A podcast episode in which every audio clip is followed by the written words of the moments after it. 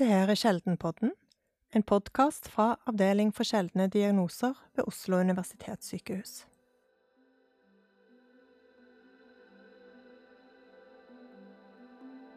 Tilbake igjen på revmatologisk avdeling, og jeg ble da fortalt nærmest av en av legene der at den sykdommen jeg hadde, den fantes kun i hodet mitt og ikke i den virkelige verden.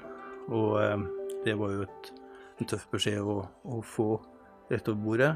Og jeg føler meg jo ikke som en som har, finner opp ting, så det, det, det var ganske, ganske tøft. Sjeldne medfødte tilstander kan være vanskelige å oppdage, og mange pasienter går en lang og kronglete vei før de får et klart svar på hva som er galt. Gjennom flere episoder skal vi fortelle om å oppdage og stille sjeldne diagnoser. Jeg heter Kristin Rosnes Holte, og i denne episoden skal det handle om når du som helsepersonell bør mistenke mastocytose, og hva det kan bety for pasienten å få diagnosen. Men hva er mastocytose? Mastocytose er en sjelden tilstand med økt antall unormale mastceller i ett eller flere organer. De vanligste formene for mastocytose er kutanmastocytose, med affeksjon bare i hud, og systemisk mastocytose, der det må være mastcelleøkning i minst ett organ forutenom hud. Det hyppigst rammede organet er benmargen, som er affisert i 90% Kutanmastocytose finnes hyppigst hos barn. De blir oftest friske. Ingunn Dybedal er overlege ved Oslo universitetssykehus Rikshospitalet i avdeling for blodsykdommer.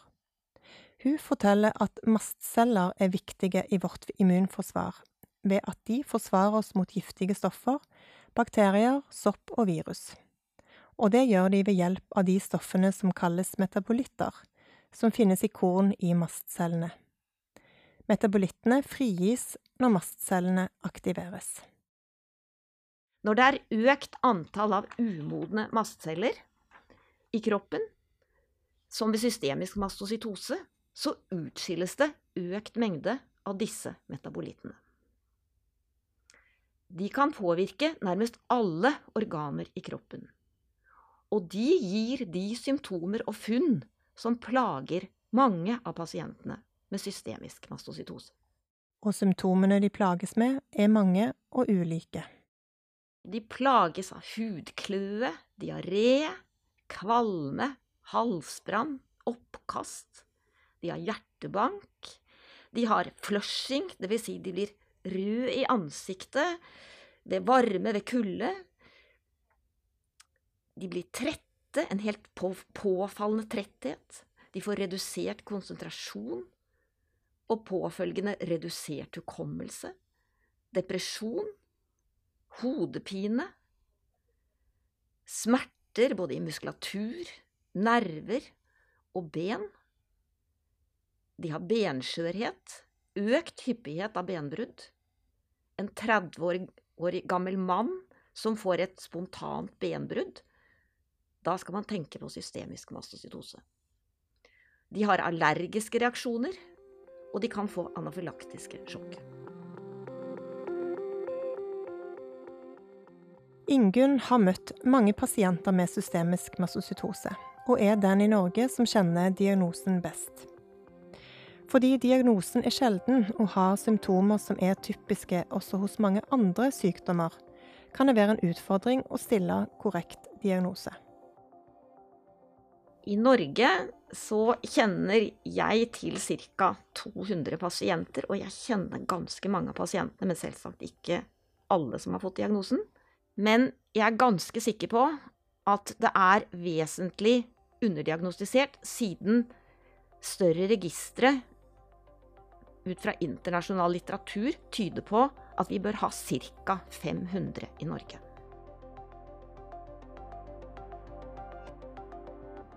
Systemisk mastocytose kan deles i to hovedgrupper. Indolent og avansert. Indolent er den største gruppen og utgjør 60-80% mens avansert utgjør resten, altså ca. 20-40 Pasientene med indolent systemisk massocytose har fra nesten ingen symptomer til så uttalte symptomer og plager at de nesten ikke greier dagliglivet. Men de har god prognose og lever like lenge som normalbefolkningen på samme alder. Avansert systemisk massocytose er mer alvorlig. Ved avansert systemisk mastocytose er andelen mastceller ofte så høy at et organ har så mange mastceller at funksjonen til dette organet blir nedsatt. Hvis det gjelder leveren, kan de få portal hypertensjon, dvs. Si økt trykk i portåren. Og det gir som resultat asites, dvs. Si væske i maven. I tillegg så gir det leversvikt. Svær mastcelleinnfiltrasjon i benmargen kan gi benmargssvikt, med påfølgende anemi, lav blodprosent, lavt antall hvite blodceller, spesielt nøytrofile grandocytter, og blodplater. Svær infiltrasjon i tarmen kan gi nedsatt oppsuging av næringsstoffer og gi et uttalt vekttap, og de kan ha alvorlig diaré. Disse pasientene er oftest 60 år eller eldre. Disse pasientene må vi si har en type kreftsykdom. De har dårlig prognose, og det er svært viktig at de får behandling som påvirker sykdomsutviklingen, såkalt sykdomsmodifiserende behandling. Og det er også vist at får de riktig behandling, kan overlevelsen øke. Arild hadde runda 50 da han begynner å kjenne på smerter i kroppen. Gjennom mange år har han jobba i høyt tempo innen finans. Kan det være en konsekvens av dette? Er han utbrent? Er det hjertet som ikke tåler det høye tempoet?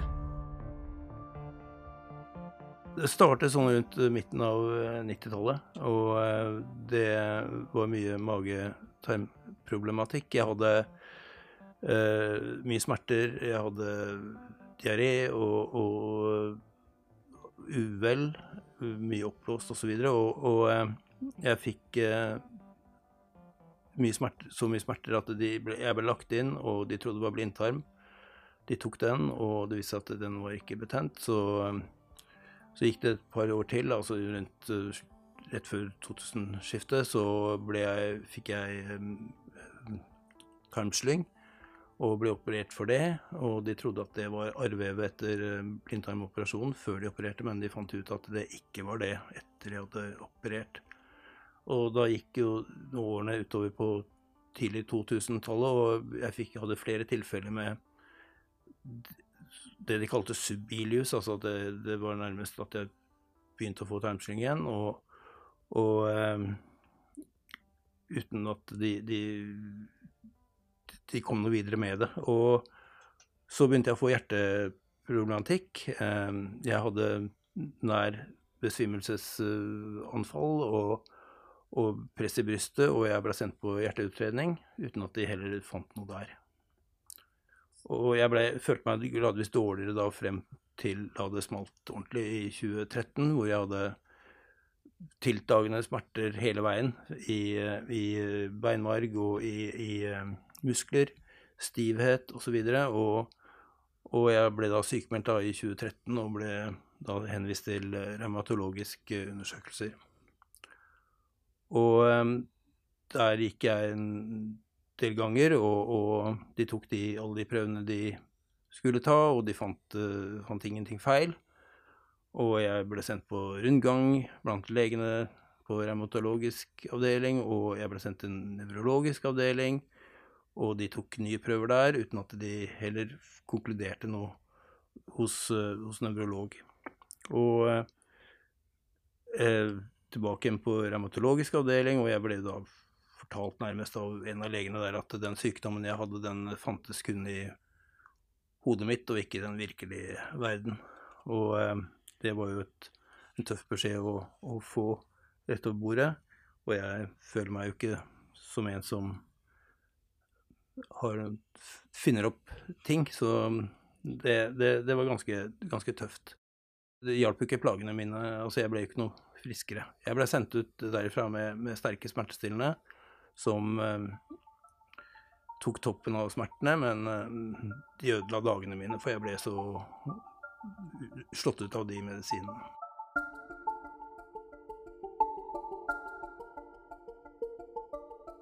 Årsaken til systemisk mastocytose er foreløpig ikke kjent.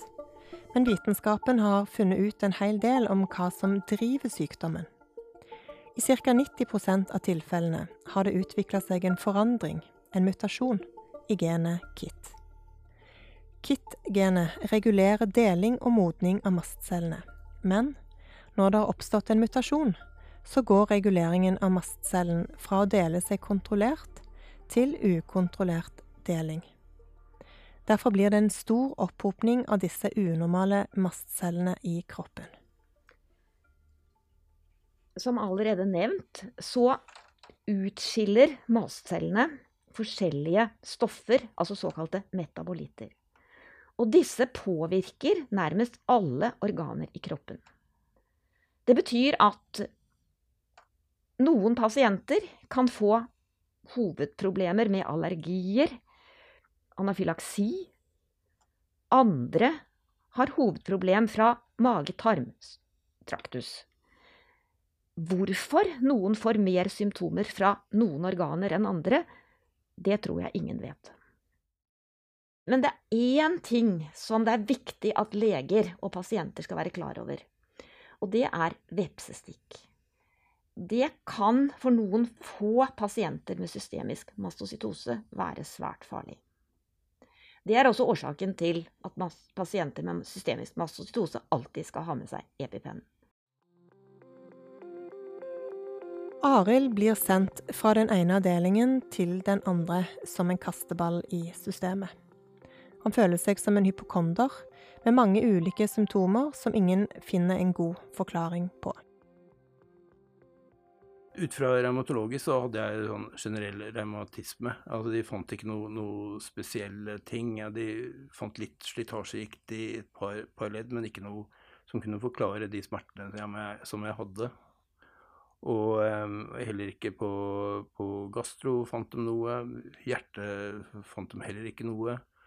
Og, um, og um, som var noe feil. Og så jeg var i den runddansen et par år. Og det er klart at når du kommer tilbake igjen på runde nummer to, så, så begynner jo legene også å lure litt på deg. Og, og eh, ja, det var, det, var, eh, det var, ikke bare hyggelige konstellasjoner, liksom. Det, er, eh, det var jeg som hadde feil, det ikke, det kunne ikke stemme, osv.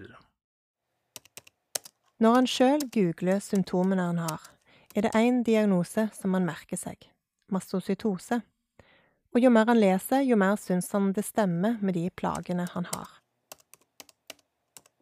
På noen amerikanske nettsteder fant jeg en sykdom som het systemisk mastocytose. Og eh, jo mer jeg leste, jo mer eh, syns jeg dette her stemte. Eh, mye av de plagene jeg hadde, det, det kunne relateres dit slik som jeg kunne som en legemann lese det.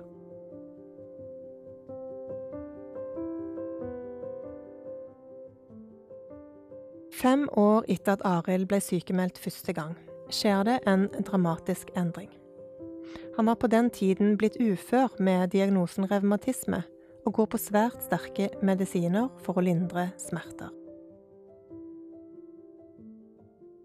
Og så kom vi frem til uh, midten av eh, Eller midten av mai 2018, hvor eh, jeg skled på en, en joggetur og, og, strakk kneet. Det ble hovent og, og veldig vondt. Så jeg tok noen tabletter med, med Voltaren noen, noen, noen dager. Så avsluttet jeg med det, og så kneet ble litt bedre, så var det en morgen jeg tok hadde vondt, veldig vondt igjen og, og hovnet opp igjen, så jeg tok en tablett på morgenen, og så gikk smertene på utover dagen, så jeg tok en om kvelden òg. Arild legger seg for kvelden, men våkner opp på natta med en voldsom kløe. Han føler seg svært uvel, huden er helt rød, og han klør intenst i ansiktet. Så mister han bevisstheten. Heldigvis var min kone hjemme, som eh, da ringte ambulanse, og jeg ble kjørt på det lokale sykehuset, akuttmottaket der. Og da kom jeg inn da med det de mente var et anafylaksesjokk på, på bakgrunn av, av uh, inntak av Voltaren. Dette hadde jeg jo i grunnen, etter alt jeg hadde lest, fryktet skulle skje. At jeg skulle få et anafylaksesjokk på et eller annet. Jeg hadde ingen historikk med verken allergi eller hypersensitivitet på noe som helst. Han blir henvist til Ullevål universitetssykehus for å sjekkes ut for allergi. Der diskuterer han igjen sine antagelser om mastocytose. Han får gehør, og de sender en henvisning til lokalsykehuset om at han må ta en beinmargsbiopsi. Men svaret han får fra prøven er negativ, og han får heller ikke påvist mutasjon i KIT-genet.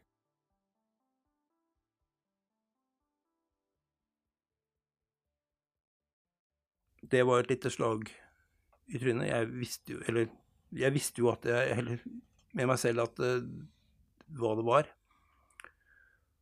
Men du trengte et svar? Jeg trengte et svar, og det svaret var liksom ikke det jeg hadde forventet skulle være.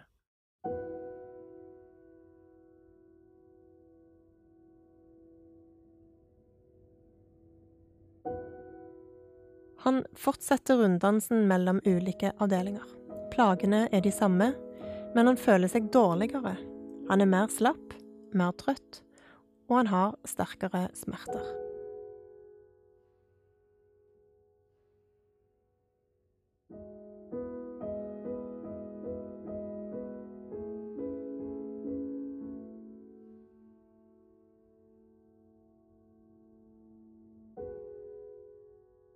Så begynte jeg etter et atrieflimmeranfall i desember i 2019, så, så, bestemte jeg meg for at dette her går ikke. Nå må jeg begynne å medisinere meg selv.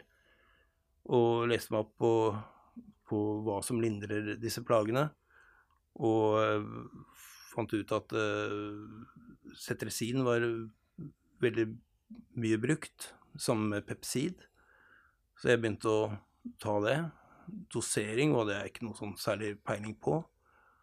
Men det jeg fant ut, var at eh, når jeg fikk disse A3-flimmerne, så kunne jeg ta ned det Få tilbake igjen sin vanlige sinusrytme ved cetresin. Så eh, jeg begynte å medisinere meg selv. Eh, ved A3-flimmeranfall tok jeg mer cetresin. Eh, men jeg var fremdeles fryktelig usikker på hvor mye tar jeg egentlig av dette her? Eh, hvor mye skal jeg ta, og sånne ting. Etter tredje runde på gastro, nevro og revma-avdelingene, der han skjønner at han ikke kommer noe videre, finner han fram til Senter for sjeldne diagnoser, som han tar kontakt med. Senteret mener han burde få en ny runde med sjekk for mastocytose. Nå blir han henvist til Rikshospitalet for å ta en biopsi og svaret får han en måned etter undersøkelsen. At jeg hadde mastcellepåvirket benmarg, og jeg hadde seket mutasjon.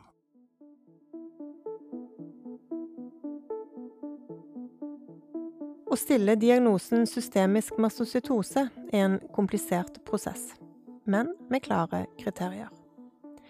Forenkla så kan vi si at diagnosen stilles etter bestemte funn i blod, beinmarg eller andre organer.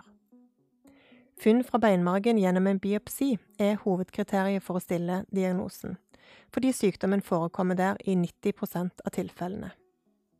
Diagnostiseringen bør gjøres av en lege som er spesialist i blodsykdommer, altså en hematolog, som har erfaring med sykdommen og oppfølgingen bør være av et tverrfaglig team som ivaretar pasientens mange og ulike sykdomsutfordringer.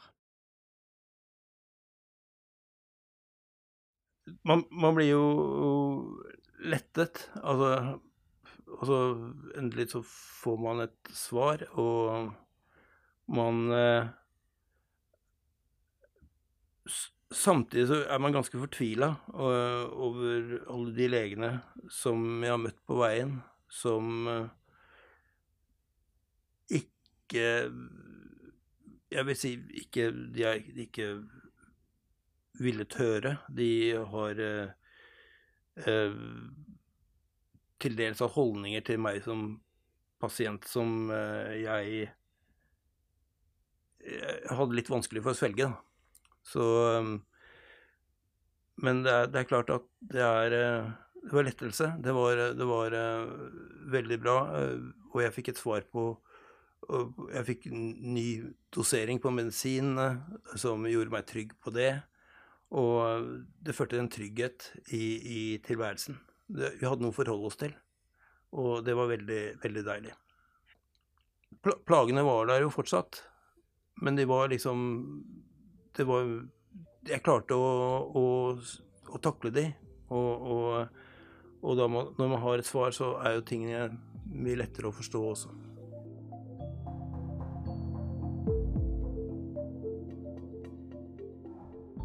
Det er foreløpig ikke mulig å bli helt frisk av systemisk mastocytose. Men det fins en rekke medikamenter som lindrer de ulike symptomene. Ingunn forteller at det forskes på flere typer medisiner som rammer det muterte genet, og som gir svært god effekt for pasienter med systemisk mastocytose. Så jeg vil si at det er håp for disse pasientene med disse nye medikamentene om at deres hverdag skal kunne bli bedre, og for de sykeste at deres prognose skal kunne bedres.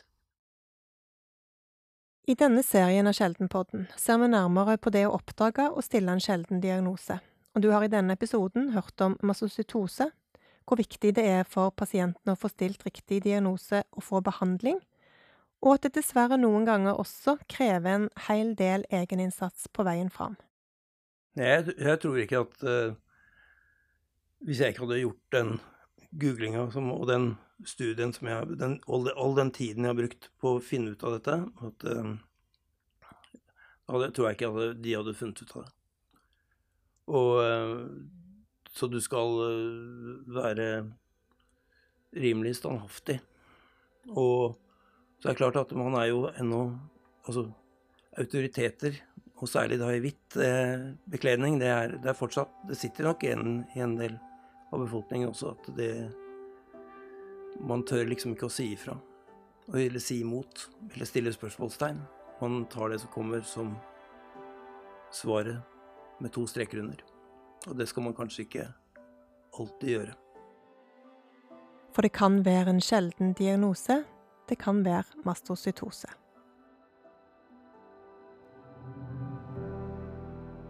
Dette er Sjeldenpodden, en podkast fra Avdeling for sjeldne diagnoser ved Oslo universitetssykehus. Tusen takk til Arild, og takk til Ingunn Dybedal. Episoden er produsert av Marit Skram, Silje Systad og meg, Kristin Rosnes Holte. Ansvarlig for podkasten er Nina Benan. Vil du lære mer om mastocytose, kan du gå inn på sjeldnediagnoser.no. Og har du spørsmål eller tips, send oss en mail på Sjeldenpodden alfakrøll ous-hf.no. Vi høres.